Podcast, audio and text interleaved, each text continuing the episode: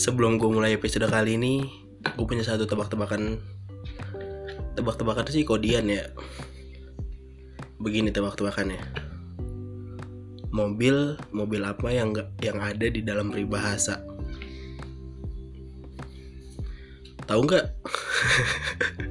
Apa apa yo? Nggak tahu nggak tahu. Tahu nggak? Nggak tahu. Jawabannya adalah Xenia kenapa? Karena Xenia payung sebelum hujan.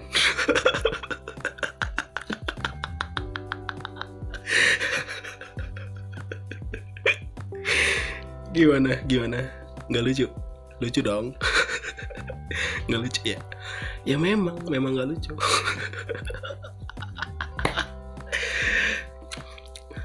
Episode kali ini gue bawakan dari awal bulan Juli 2020 pembahasannya mengenai awal mula menyukai stand up comedy gue Iqbal inilah asal-asalan podcast.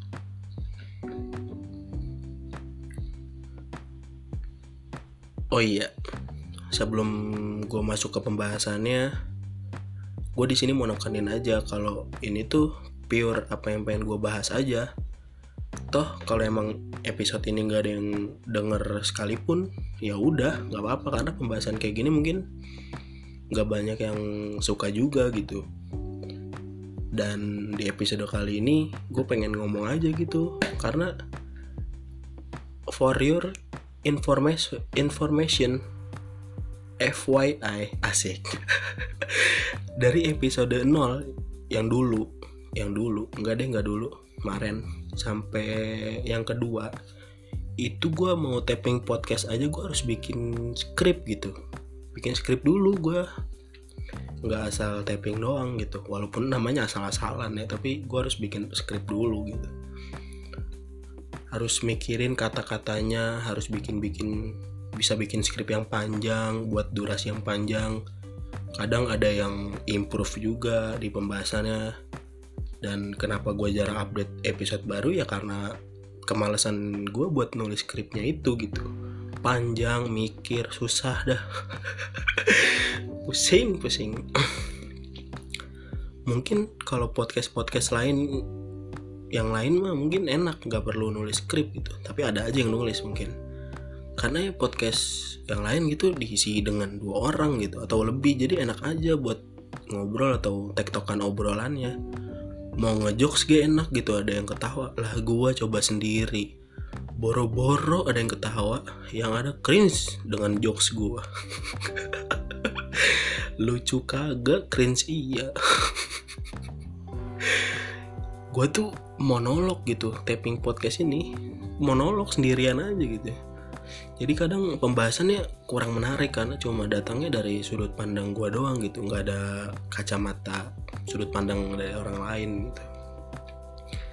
Ya mungkin nanti mah bisa ngobrol ada tektokannya gitu. Mungkin ada teman atau ada ada ada siapa ya? Nggak tahu lah.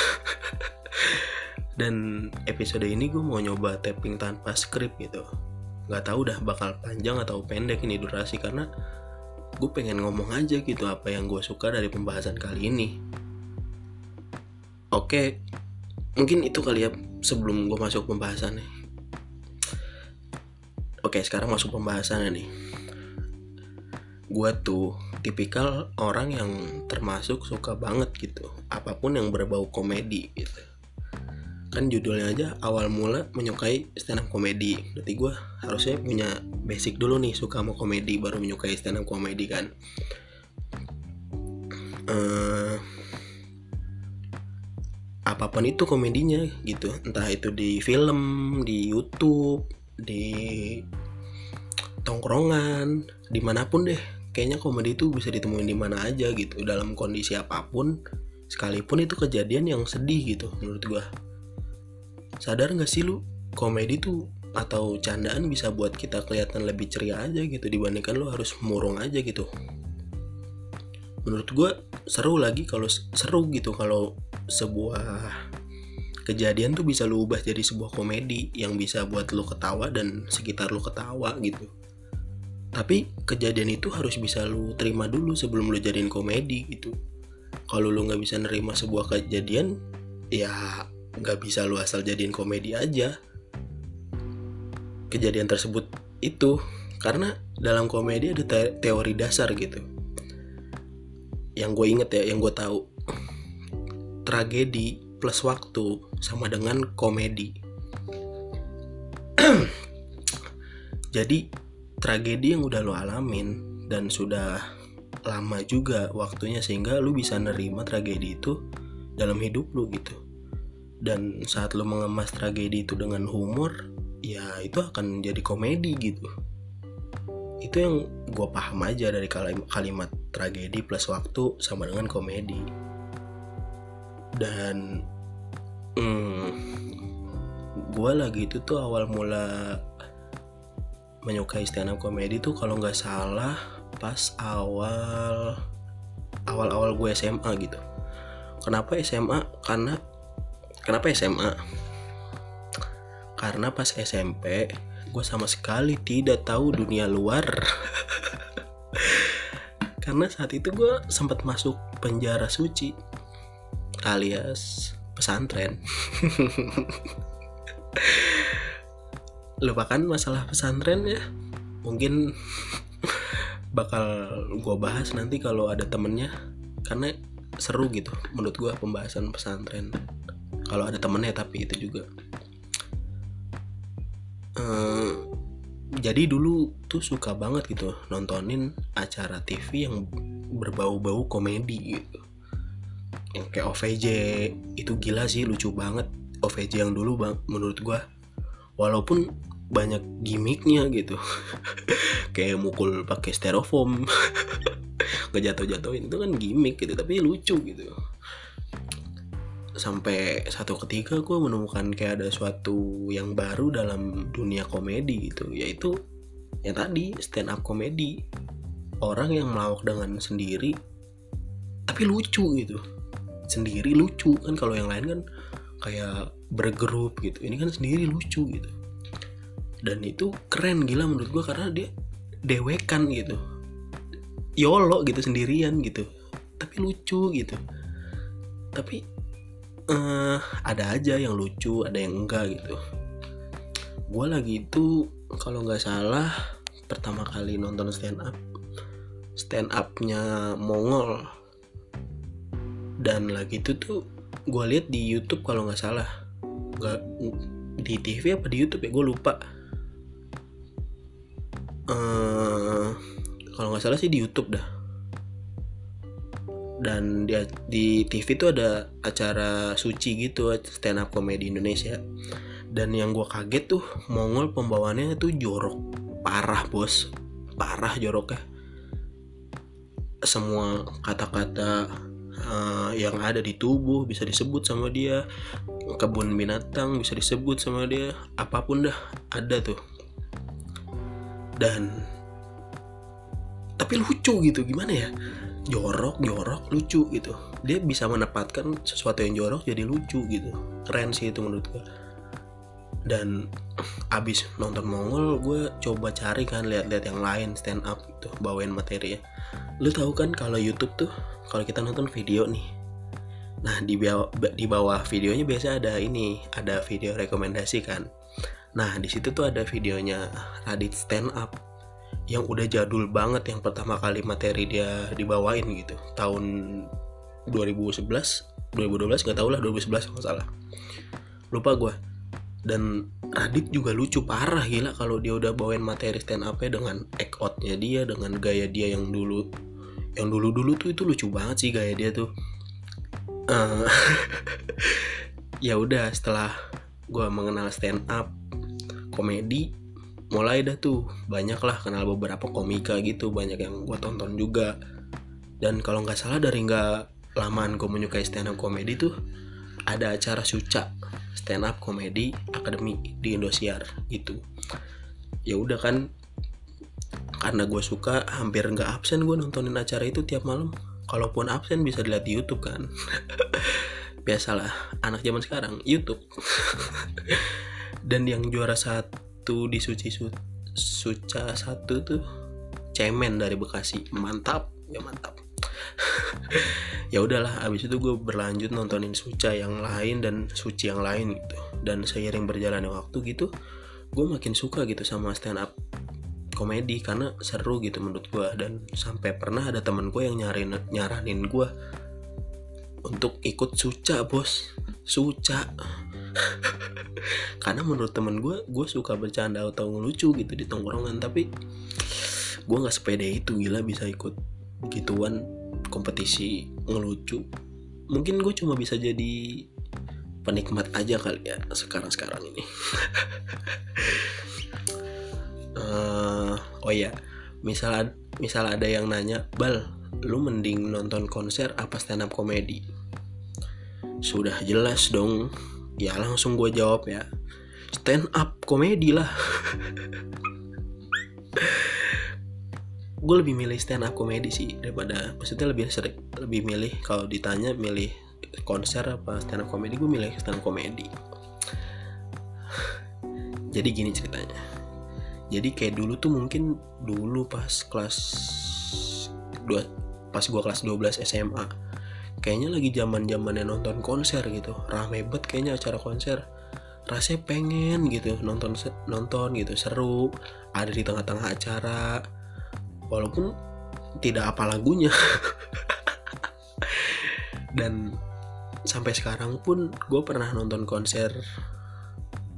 Dan sampai sekarang pun eh gimana ya? Dan sampai sekarang pun gue nggak pernah nonton konser gila. Pernah sih dulu deket rumah gue ada konser gitu di lapangan serbaguna lah. Terus pas lagi itu gue sempet nonton. Eh bukan nonton deh gue cuma lewat doang naik motor. Dan kenapa sih gue nggak mau nonton konser? Walaupun menurut gue harga tiketnya lebih murah daripada nonton stand up gitu. Tapi yang gue sebutin ini konser yang kayak di synchronize atau apa ya apalah itu. Bukan yang kayak siapa gitu penyanyi terkenal terus ngadain show sendirian. Kalau itu pasti mahal harganya. Nah lanjut ya. Karena menurut gue menurut gue lo ini terserah lo nggak setuju kayak bebas itu mah ya. Ini kan pandangan gue doang. Setelah gue doang. Menurut gue konser buang-buang duit aja gitu. Nonton konser ya ya gini. Ini opini gue aja ini mah. Kan musik bisa didengar di YouTube di TV di Spotify di banyak platform dah. Nih coba misal pengen nih ini mah misalkan aja ini mah. Pengen nonton synchronize di SMB ya. Terus misalkan ada penjualan di presale satu atau dua gitu. Terus lu beli di presale satu. Misalkan itu kan ada beberapa band tuh yang tampil dengan ya kisaran harga 150 ribu ke atas kali ya harga tiketnya. Nggak tahu juga sih gue dan pastikan ekspektasi dari rumah tuh kayak hmm aku bakal bisa melihat artisnya. Aku bakal foto-foto artisnya. Nggak tahu ya sampai tempat malah ke bagian paling belakang. Dan nggak bisa lihat bandnya nyanyi gitu. Cuma bisa denger. Ya mending lihat YouTube kalau cuma denger doang mah. Terus terus nih ya belum lagi ada yang rusuh misalkan norak. Terus lagi tuh di depan misalnya di depan panggung isinya HP semua sibuk instastory kan mengganggu gitu buat yang di belakangnya kalau anda sibuk instastory doang. Orang di belakang lo cuma nontonin dari HP lo doang gitu. Dia datang tuh buat nonton band bukan buat nonton HP lo mana HP lo jelek lagi. Retak. Terus juga pastikan pastikan nih orang pada non, pada update instastory gitu kan lu pada kalau nonton stand up buset dah itu story udah kayak eh apa nonton stand up nonton konser buset dah itu story udah kayak titik-titik titik-titik terus ada logo guntingnya gitu yang kayak di produk gitu kemasan produk gitu titik-titik-titik ada guntingnya tau nggak lo nggak tahu ya? Itulah ya. Buset dah gue sebagai orang yang tidak nonton pas tahu story pertamanya lagi pas misalnya gue nggak nonton konser nih terus teman gue ada yang nonton. Pas gue klik story pertamanya tuh eh nonton konser. Ya udah langsung skip gak usah lihat. Gak penting gak penting. Kalau perlu blok aja udah ganggu emang canda ya lah gak usah baper lah. Mungkin serunya cuma di vibe-nya doang kali ya. Bisa seru-seruan sama temen. Tapi gak tahu juga sih yang anak konser yang anak konser banget nih bolehlah kasih tahu serunya gimana gitu. Dan nonton konser beda banget gitu sama nonton stand up dan gue mau sedikit cerita pengalaman gue nonton stand up secara langsung gitu. Jadi sebelumnya gue tuh dulu pengen banget gitu nonton stand up secara langsung. Tapi karena dulu pas SMA belum punya KTP yang mana itu syarat nonton yang mana itu syarat bisa nonton stand up gitu. Jadi gue nggak bisa nonton langsung. Padahal pengen banget gitu. Karena ya emang orang-orang yang mungkin dewasa aja kali ya yang bisa nyerap materi yang mungkin gak bisa dibawain di YouTube ataupun di TV gitu. Karena materinya tuh bahaya banget gitu kalau ditayangin di TV ataupun di YouTube gitu. Bisa banget nyinggung orang dan emang harus difilter buat penontonnya gitu. Lu bisa melongo kali kaget denger materi yang dibawain oleh komika lagi off air gitu. Dan gue pengen banget bisa nonton komika-komika yang gue sukain gitu. Banyak dah komikanya. Kayak Radit gitu. Gue pengen banget lagi lagi tuh bisa nonton dia langsung gitu. Pas gue udah kuliah pas banget tuh di, di Desember kemarin 2019 Radit ngadain tour stand up stand upnya cerita cintaku ke beberapa kota di Indonesia termasuk di Bekasi itu kota gue mantap bangga banget gue bangga lah. Uh, eh, gue tuh salut ya sama masa atau penontonnya Radit gitu. Karena Radit tuh tipikal yang kalau ngadain acara tuh ya udah sesuka dia aja gitu. Mau ngomongin jam berapa kek sesuka dia gitu. Dia tuh ngomongin mau stand up di kota mana gitu. Cuma sekali insta story doang gila. Itu langsung sold out tiket penjualan stand upnya gitu. Waduh keren banget sih penonton penontonnya salut salut. Dan pas dia ngumumin bakal mampir ke Bekasi gue langsung pengen banget dapet tiketnya. Tapi gue rada pesimis juga sih bisa nggak dapet tiketnya gitu. Karena yang tadi gue bilang penontonnya dia tuh gila cepet banget buat bikin soal tiketnya. Hmm, akhirnya di bulan November dia buka penjualan tiketnya tuh buat show dia di Desember akhirnya gue pantang tuh storynya si Radit ya kan? Buat langsung bisa swipe up beli tiketnya. Dan pada saat itu kalau nggak salah gue belum punya ATM dah. Masih minjem lah sama mak gue terima kasih mama buat ATM-nya ya. Tapi gue ganti pakai duit gue dan tibalah di hari penjualan jam berapa gitu dibukanya gue lupa. Langsung tuh gue meluncur cepet-cepet cepetan buka web penjualan langsung penjualannya langsung pesen tiketnya. Coba tebak berapa tiket. Tiga empat dua salah. Satu tiket. Tadinya tuh gue mau beli dua buat gue sama doi.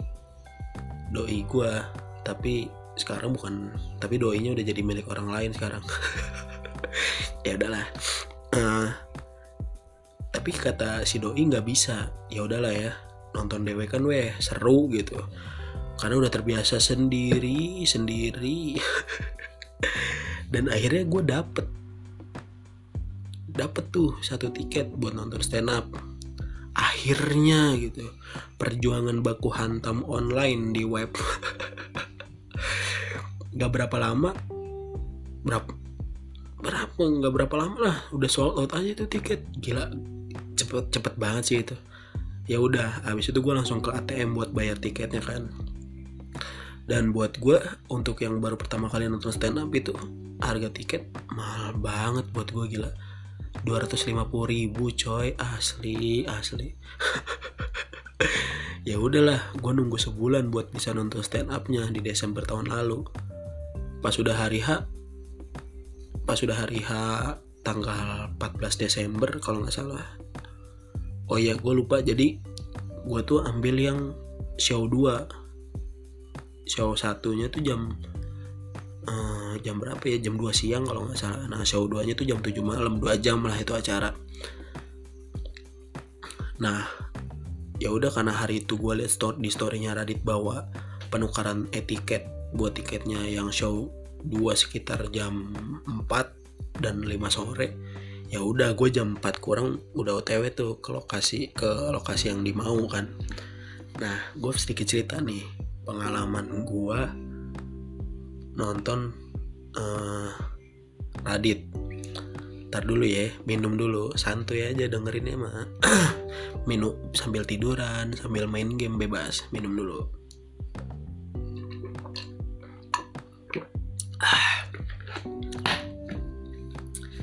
jadi, jadi pas hari H tuh tanggal 14 Desember gue dari rumah jam berapa ya?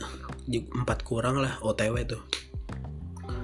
Pamit bawa ya bawa tiketnya udah di print langsung otw gue kan gue nggak tahu ya hotel Haris tuh di mana kebetulan itu di hotel Haris ya udahlah gue lihat di Google Maps. Pas gue lihat nggak taunya di Sumarekon. Akhirnya gue ngebut kan. Karena udah pengen 4 yang mana itu penukaran tiket gitu. Dan akhirnya gue gue sampailah depan hotel Haris di Sumarekon gitu. Pas gue tanya saat pamnya pak uh, parkiran motornya mana pak ya? Buat masuk ke hotelnya. Oh mas uh, parkirannya gabung sama parkiran Sumarekonnya mall Sumarekonnya. Oh di sana pak? Iya iya. Ya udah tuh kalau lo yang orang Bekasi lo pasti tahu udah parkiran Sumarekon. Yang di kayak di lapangan gitulah buat ya gede lah pokoknya. Akhirnya gue ngebut tuh dari hotel Haris ke parkiran. Ngebut parkir. Gue udah gue udah gue kunci semuanya gue taruh tiketnya di tas jalan lah gue nah dari parkiran itu ke hotel Haris tuh harus nyeberangin mallnya dulu. Jadi harus masuk ke downtown masuk ke mall baru ke hotel Haris. Wah itu jauh banget sih capek jalan. Gue nggak jalan lari malah karena takut telat gitu. Lari sampai di depan lobby mall ya ah gue udah ngos-ngosan banget itu lari dari parkiran. Akhirnya gue tanya kan saat mame pak mohon maaf. Ini buat show Raditya Dika di mana ya pak? Di hotel ini kan? Oh maaf mas. Bukan di hotelnya tapi di auditorium ya. Ya Allah. Bodoh bodoh. Gue nggak baca dong kalau acara itu di auditorium gitu bukan di hotel. Gue bacanya cuma Haris doang. Haris Haris apa gitu? Hotel Haris gitu. Gak tau aja di auditorium Haris kon ah akhirnya wah panik lagi gue tuh. Akhirnya gue lari lagi tuh dari lobby hotelnya ke parkiran bos. Jauh banget. Nggak taunya itu auditorium. Itu tuh deket piramida kebalik Sumarekon. Deket lah situ. Wah akhirnya gue ngebut tuh. Mahayan parkir udah dapat goceng aja gue segitu. Berapa berapa itu? Empat ribu lah empat ribu tiga ribu. Akhirnya gue ngebut lah. Ngebut ngebut sampai oh bener tuh ternyata acaranya di situ kan. Oh untung belum terlalu rame jam segitu. Akhirnya gue bisa nukerin tiket tuh. Nggak berapa lama gue masuk lah acara. Nah serunya di sini tuh HP udah kita nggak pegang HP nggak kayak nonton konser gitu. Penuh dengan HP itu kita menikmati gitu materi yang dibawain sama komikanya gitu. Menikmati ketawa bareng melepas penat melepas apa pun lah seru aja gitu ketawa-tawa dua jam lebih. Ya seru lah menurut gue dan yang lu nggak bakal temui dari Radit di YouTube ataupun di TV adalah perkataan-perkataan dia saat off air. Saat dia bawain materi-materinya. Wah lu nggak bakal pernah denger kalau lu cuma denger di YouTube. Wah kau gue gue kaget sih pas denger materi dia. Gila itu bener-bener lucu uh, uh, apa ya goblok goblok kayak Radit tuh kayak gitu gitu. Act tuh aduh lucu dah. Nah terus uh, akhirnya kelar lah dua jam singkat itu lah pokoknya dua jam pulang dah tuh gue pulang. Ya udah kayak biasa aja gitu. Menurut gue itu pengalaman pertama gue nonton stand up yang seru banget gitu itu 250 ribu nggak sih? Nggak worth it lah menurut gue walaupun 250 ribu. Dan itu uh, free sitting gitu. Maksudnya lu masuk ya udah lu bebas. Mas mau duduk di mana aja. Nggak yang di misalnya 150 ribu di sini 250 ribu di VIP 350 ribu di panggung gitu. Nggak. Free sitting aja gitu. Lu masuk duluan ya udah lu dapat bangku paling duluan gitu gue lagi tuh bangku di bagian tengah-tengah tapi nggak terlalu belakang. Gue di ya barisan 9 10-an lah nggak jauh-jauh sih gitu itu pengalaman pertama gue wah the best banget sih nonton stand up gila gue ketagihan sampai pengen nonton-nonton lagi gitu kalau ada mah. Itu sedikit cerita gue ya. Nah kali ini gue pengen nyebutin beberapa komika favorit dengan cara pembawaan materinya gitu.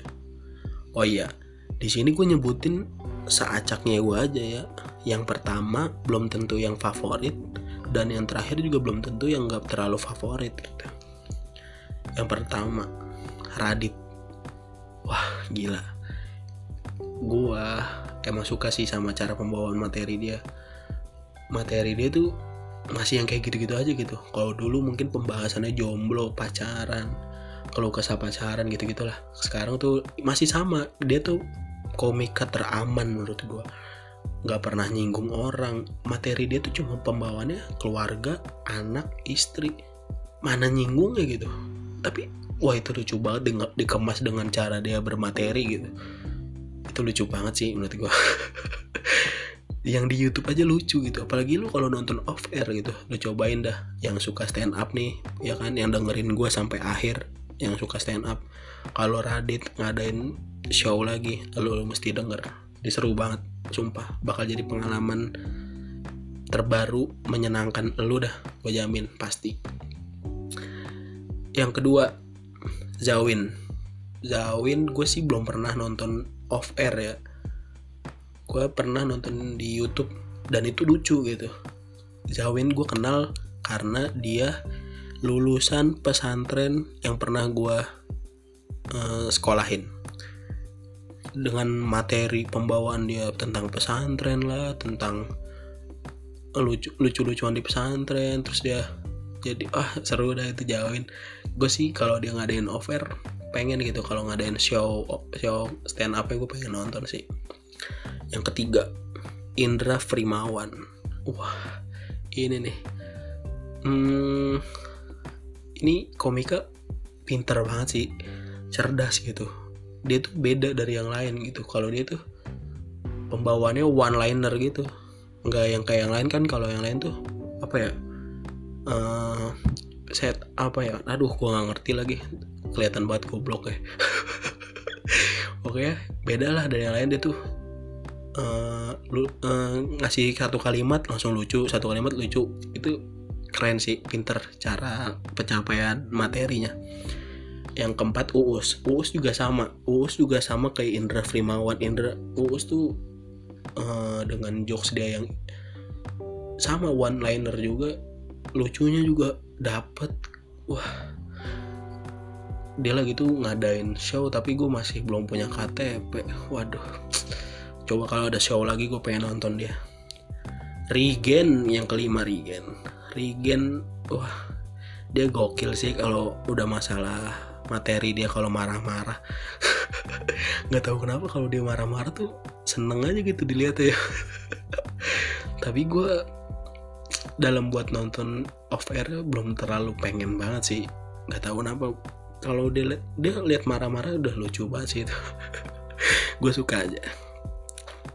6 Gilbas. Mungkin gak banyak yang kenal ya Gilbas Gilang Baskara komika Bandung kalau nggak salah. Wah lu kalau nontonin dia wah lucu banget gila. Dia dia wah dia tuh komika cerdas kata Radit mah. Dia komika tercerdas. Dia pernah ngebawain satu satu satu set cuma toilet. 15 menit ngebahas toilet doang itu lucu gila. Ngebahas toilet apa pun dibahas sama dia itu lucu banget sih gila itu cerdas banget cara pembawaan dia. Tujuh. Nih ketujuh nih komika favorit gue bintang BT asli asal Bekasi. Wah ini orang dengan kayak polos terus uh, gagap. Ngomong itu agak gagap-gagap itu. Lucu gitu. Nggak tahu yang gue sebutin emang lucu-lucu doang gitu. Semua semua pada kayaknya orang Bekasi lucu-lucu ya termasuk gue hmm, enggak dong. Yang ketujuh eh tujuh delapan yang ke delapan ini dua orang sih. Ini wah suhu gue nih. Coki muslim waduh coki muslim. Wah gue gue gue nggak tahu. Gue nggak gue nggak pernah kadang ketawa sama stand up ya.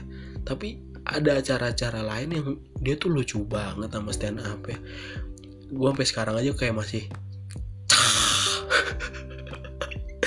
itu tuh lucu gila kalau dibawain sama coki sama muslim. Padahal cuma cir gitu dong itu lucu gila.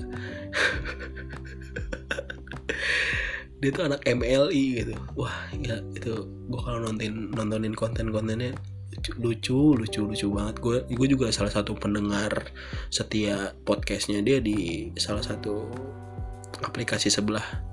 Noise noise. Yang kesembilan oh iya Coki Muslim kalau ada bentar lagi katanya sih ada bakal ada show. Fix gue bakal nonton kalau dapet tiketnya.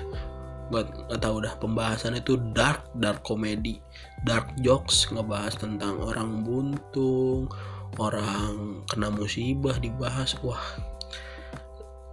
Harusnya kan orang buntung orang musibah kan nggak bisa dijadiin lucu. Kalau dia sama dia mah bisa. Namanya dark jokes. Wah gelap dah pokoknya. Yang ke sembilan Marcel Widianto. Waduh ini mah komika dar der dor lucu banget sih ini orang. Cara ngomongnya dia tuh lucu gitu kayak ketawanya apalagi nular banget. Dia tuh uh, apa ya materi materi andalannya tuh ini komika termiskin. Dia tuh katanya di kemiskinannya di bawah garis kemiskinan gitu miskin banget gitu. Tapi lucu lucu wah parah. Dia dia bakal jadi opener stand up Panji dan yang ke 10 adalah Panji Pragi Waksono. Respect buat Panji Pragi Waksono mantap. Oh ya gue mau cerita nih terakhir. Gue tuh paling gak suka dulu mungkin gak suka sama materinya Panji gitu. Karena menurut gue belum mungkin karena gue masih muda lah gitu ya belum masuk aja gitu pembawaannya materinya tentang politik tentang nasionalis gitu. Walaupun seru tapi gue belum masuk aja gitu. Gue masih suka Radit aja gitu materi cinta-cintaannya walaupun jijik juga sih. Nah terus uh, semenjak apa ya gue pernah nonton di YouTube-nya Panji Pragiwaksono gitu. Ternyata pas gue makin ke sini makin masuk gitu materinya. Lucu menurut gue sekarang malah. Jadi kayak hmm, ini boleh nih ditonton seru gitu. Wah pembahasannya mengenai politik uh, pembahasan-pembahasan uh, apa tragedi 98 lagi itu terus seru dah. Terus kayak ada bahas binatang nasionalis bahas wah banyak banget sih. Terus gue uh, pas lagi awal-awal pandemi itu dia tuh ngeluarin dia kan punya digital download stand up komedinya turnya dijual tuh lagi tuh. Ini diskon lagi tuh besar-besaran. Harga sepuluh ribu doang setiap tiga digital download ya. Tadi gue mau beli tiga tiganya cuma karena ATM kurang ya akhirnya beli sepuluh ribu aja satu nama digital nama turnya tuh masake bangsaku. Wah itu acara dua jam. Lu kalau beli lu bisa lu beli di komika.id harganya nggak tahu sekarang berapa 150 ribu kalau nggak salah. Lu beli lucu banget dua jam asli. Situ ngebahas banyak banget lucu banget. Lucu banget sih. Dan gue juga sekarang nontonin stand up stand up ya gitu nontonin konten kontennya dan terakhir sekarang nih dia tuh lagi ngadain Lila Show. Lela Show tuh di di live ya dia setiap jam 8 malam. Dari awal Juli kemarin sampai akhir Juli nanti. Gue tuh pengen ikutan gitu sampai jadi dia tuh di collab gitu sama Orona Minsi sponsor lah. Nah Lila Show tuh acaranya lucu ya lucu aja. Lu boleh ngejokes apa pun tebak-tebakan kalau emang lucu dia bakal ketawa lu bakal dapat hadiah dari ornamensi sama digital downloadnya dia. Bebas milih apa aja. Nah akhirnya gue pengen kan karena gue pengen satu digital downloadnya dia yaitu hiduplah Indonesia Maya gitu. Gue pengen banget gitu akhirnya gue pengen ikutan kan. Nah di situ tuh kalau lu nggak lucu lu bisa dapat kesempatan dengan menunjukkan lu punya botol ornamensi gitu. Akhirnya karena gue yakin gue nggak lucu gitu. Akhirnya gue beli kan botol ornamensi beli dua lah gitu. Harga lima ribu kalau nggak salah. Gue beli dua. Akhirnya gue ikut live tuh. Jadi di situ tuh kalau mau dipanggil live sama dia lo harus ngelucu dulu di komennya. Ya terserah diminta apa sama dia gue ikutan gak pernah dipanggil gitu. Tidak pernah dipanggil. Sampai waktu kemarin hmm, belum lama inilah gue ikutan. Nah buat syarat dipanggil sama dia dia harus ngejilat Panji. Maksudnya kita harus ngejilat kita harus ngejilat Panji dengan komen-komen ngejilat Panji gitu. Akhirnya gue komen kan. Panji adalah komika terlucu di Indonesia. Nggak taunya gue dipanggil. Wah gila gue belum siap banget lagi tuh gue lagi main main main bola main PS oh dipanggil langsung gue coba langsung gue sambungin kan. Soalnya gue udah siap untuk ngejokes gitu. Dan udah siap botolnya juga kalau nggak lucu. Nggak tahunya wifi gue bangsat bangsat. Wifi bermasalah. Kagak jadi live gue sama Panji. Anjir padahal itu kesempatan gue gitu buat dapetin digital downloadnya gitu. Padahal kalau beli digital downloadnya itu harganya 350 ribu. Mahal banget cowok. Ya udahlah gue cuma dapat SS-an layar hitam doang anjing. Anjing tapi gue masih mau ikutan sih sampai akhir Juli. Ya pengen banget dapet sih gue asli dah. Pengen tawa-tawa gitu dapet dari materi hiduplah Indonesia Maya itu. Katanya sih boleh lah di dark gitu. Bahas apa pun politik. Dan yang terakhir dia tuh mau ngadain tour stand upnya ke beberapa kota di Indonesia sama luar negeri gitu. Dan harusnya itu uh, dia nggak dia ngadain di Jakarta. Dan Jakarta tuh harusnya jadi kota terakhir stand upnya turnya dia dia harusnya mulai bulan Juli ini nih. Udah mulai ke kota-kota yang diituin yang ada di jadwal. Ada di luar negeri pokoknya juga ada. Nah Jakarta tuh harusnya di terakhir. Nah gue karena di Jakarta deket akhirnya gue nyoba gue pengen banget tuh pengen nonton dia. Akhirnya gue uh, nabung lah duit tuh. Dari duit lebaran ada alhamdulillah kan. Gue nabung juga. Akhirnya kekumpul 600 ribu buat dua tiket. Niatnya buat niatnya buat si doi. Pak gue ajak doi yang bukan sekarang bukan doi lagi sih.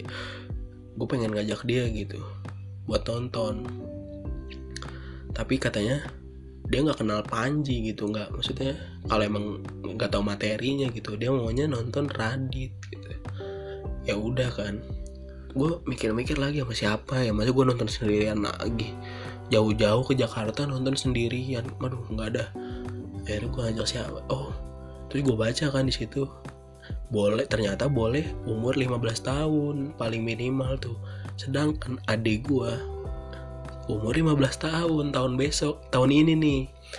Sedangkan acara Desember adik gue September udah ulang tahun yang ke-15 nah kan pas tuh ya udah gue daftarin adik gue dibuka lah penjualan tiket uang soyudan.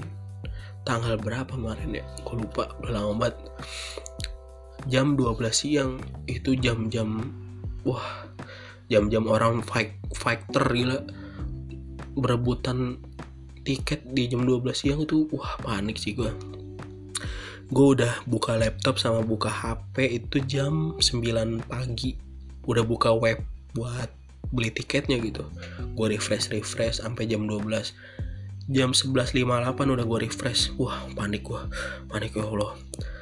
Nah sedangkan lu sedangkan di situ tuh uh, kalau lu dapat berhasil beli tiket udah lu konfirmasi nama email lu itu harus harus segera dibayar gitu. Di waktu dikasih waktu sejam doang gitu. Sedangkan duit gue 600 ribu gue kasih ke adek gue sama mama gue lagi ngambil rapot kalau masalah lagi itu. Jadi gue di rumah berharap doang gitu kalau emang gue dapet wah bayarnya harus cepet gitu. Tapi kalau gue nggak dapet hari itu gue beli sepeda kali buat ya instastory. Nah akhirnya gue berjuang tuh 11.59 oh gue refresh refresh laptop gue HP gue jam 12 tank tak langsung gue buka udah full bucket full bucket. Wah gila. Cepet banget. Jam 12.00 itu udah langsung habis. Udah maksudnya udah full bucket gitu. Belum habis sih belum sold out. Tapi udah full bucket udah di booking semua gitu. Wah akhirnya gue refresh refresh gue refresh refresh gue refresh. Wah gue nunggu 5 menit nggak ada kebuka. Akhirnya pas udah 10 menitan kebuka. Tapi yang kebuka bukan yang silver. Kan gue kan kaum masyarakat bawah ya belinya silver yang 300 ribu paling murah gitu. Yang kebuka tuh frame platinum kalau nggak salah 750 buset dah. 750 apa 500 gitu. Ya Allah kagak ada duit saya. Ya udah gue nggak mau kan. Akhirnya gue refresh refresh. Ada kali 20 menit apa 15 menit gitu. Dapet uang soyudan du apa? Uang soyudan. Yang uang soyudan silver 2 tiket. Wah langsung gue gue isi nama gue email gue nomor telepon nama adik gue email adik wah nomor KTP semua langsung gue isi. Wah langsung suruh pembayaran tuh. Langsung gue telepon mak gue sama adik gue mas mau beli mau beli eh bayar tiket bayar tiket di Indomaret. Wah langsung dibayar. Wah udah gue seneng banget langsung dapat uh, email dari loket kan gue udah berhasil dapetin tiket stand upnya gitu Komodo Menoy di Istora Senayan. Wah gila. Penontonnya 7200 kalau nggak salah. 7400 apa 200 gila loh bayangin penontonnya 7 ribuan di Istora Senayan.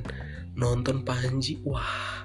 Dan katanya itu adalah show dia stand up yang bakal tersinggung bakal buat orang tersinggung gitu. Karena dia udah nggak mikirin apa-apa lagi gitu dia dia bawain materi kucing aja orang tersinggung gitu. Ya udahlah sekarang kata dia gue bebas aja mau stand up kayak gimana. Wah gila. Gue beruntung banget sih bisa dapet tiketnya dia. Acaranya masih lama 20 Desember. Gila loh. Belinya kemarin Juni. Juni kalau salah. Belinya kemarin Juni. Acaranya masih 20 20 Desember bos masih banyak yang gue laluin. Gue masih ada magang magang kuliah waduh. Wah gue bakal nunggu banget sih tanggal 20 Desember nanti. Pembukanya nah itu Marcel Widianto yang tadi nomor 9 gue sebutin. Wah gila. Seru-seru. Karena tapi Jakarta bu sekarang bukan jadi kota terakhir karena covid. Jadinya beberapa kota diundur. Jadinya diundur ke 2021 wah harusnya Jakarta harus yang epic tuh harus jadi kota terakhir malah jadi kota keberapa gitu. Ya udahlah ya nggak apa-apa itu keinginan gue gitu pengen banget bisa nonton stand upnya ya semoga masih ada umur masih dikasih kesehatan gitu. Amin amin ya Allah. Aduh, panjang juga ya. panjang juga nih gue udah ngalor ngidul. gue yakin sih gak bakal ada yang dengerin sampai sekarang nih. Sampai berapa nih? 45 menit gak bakal ada. Yang ada, wah, lu keren. Respect gue. Respect buat lu yang denger sampai 45 menit terakhir ini. Sumpah respect. Aing respect for you asli. gue ngalor ngidul ngomongin stand up yang mungkin lu nggak suka tapi lu dengerin wah terima kasih terima kasih. Kalau nggak ada yang dengerin ya udah gue juga nggak maksa nggak ada yang dengerin ge. Ini mah emang buat keinginan gue doang gitu. Udah udah lah ya. Gue sebenarnya masih ada sih satu pembahasan ketersinggungan tapi eh, udahlah pusing juga bahas ketersinggungan orang gampang tersinggung sekarang mah. Dikit aja tersinggung dikit aja tersinggung. Ah. terakhir kata dari kata gue bukan kata gue sih kata Indro Warkop. Uh, apa ya kata katanya uh, jangan lupa tertawa sebelum tertawa itu dilarang. Dan sekarang tertawa itu sudah masuk dilarang udahlah mungkin segitu aja ngalor ngidul gue membahas kenapa menyukai stand up komedi. Gue Iqbal sekian dan selamat malam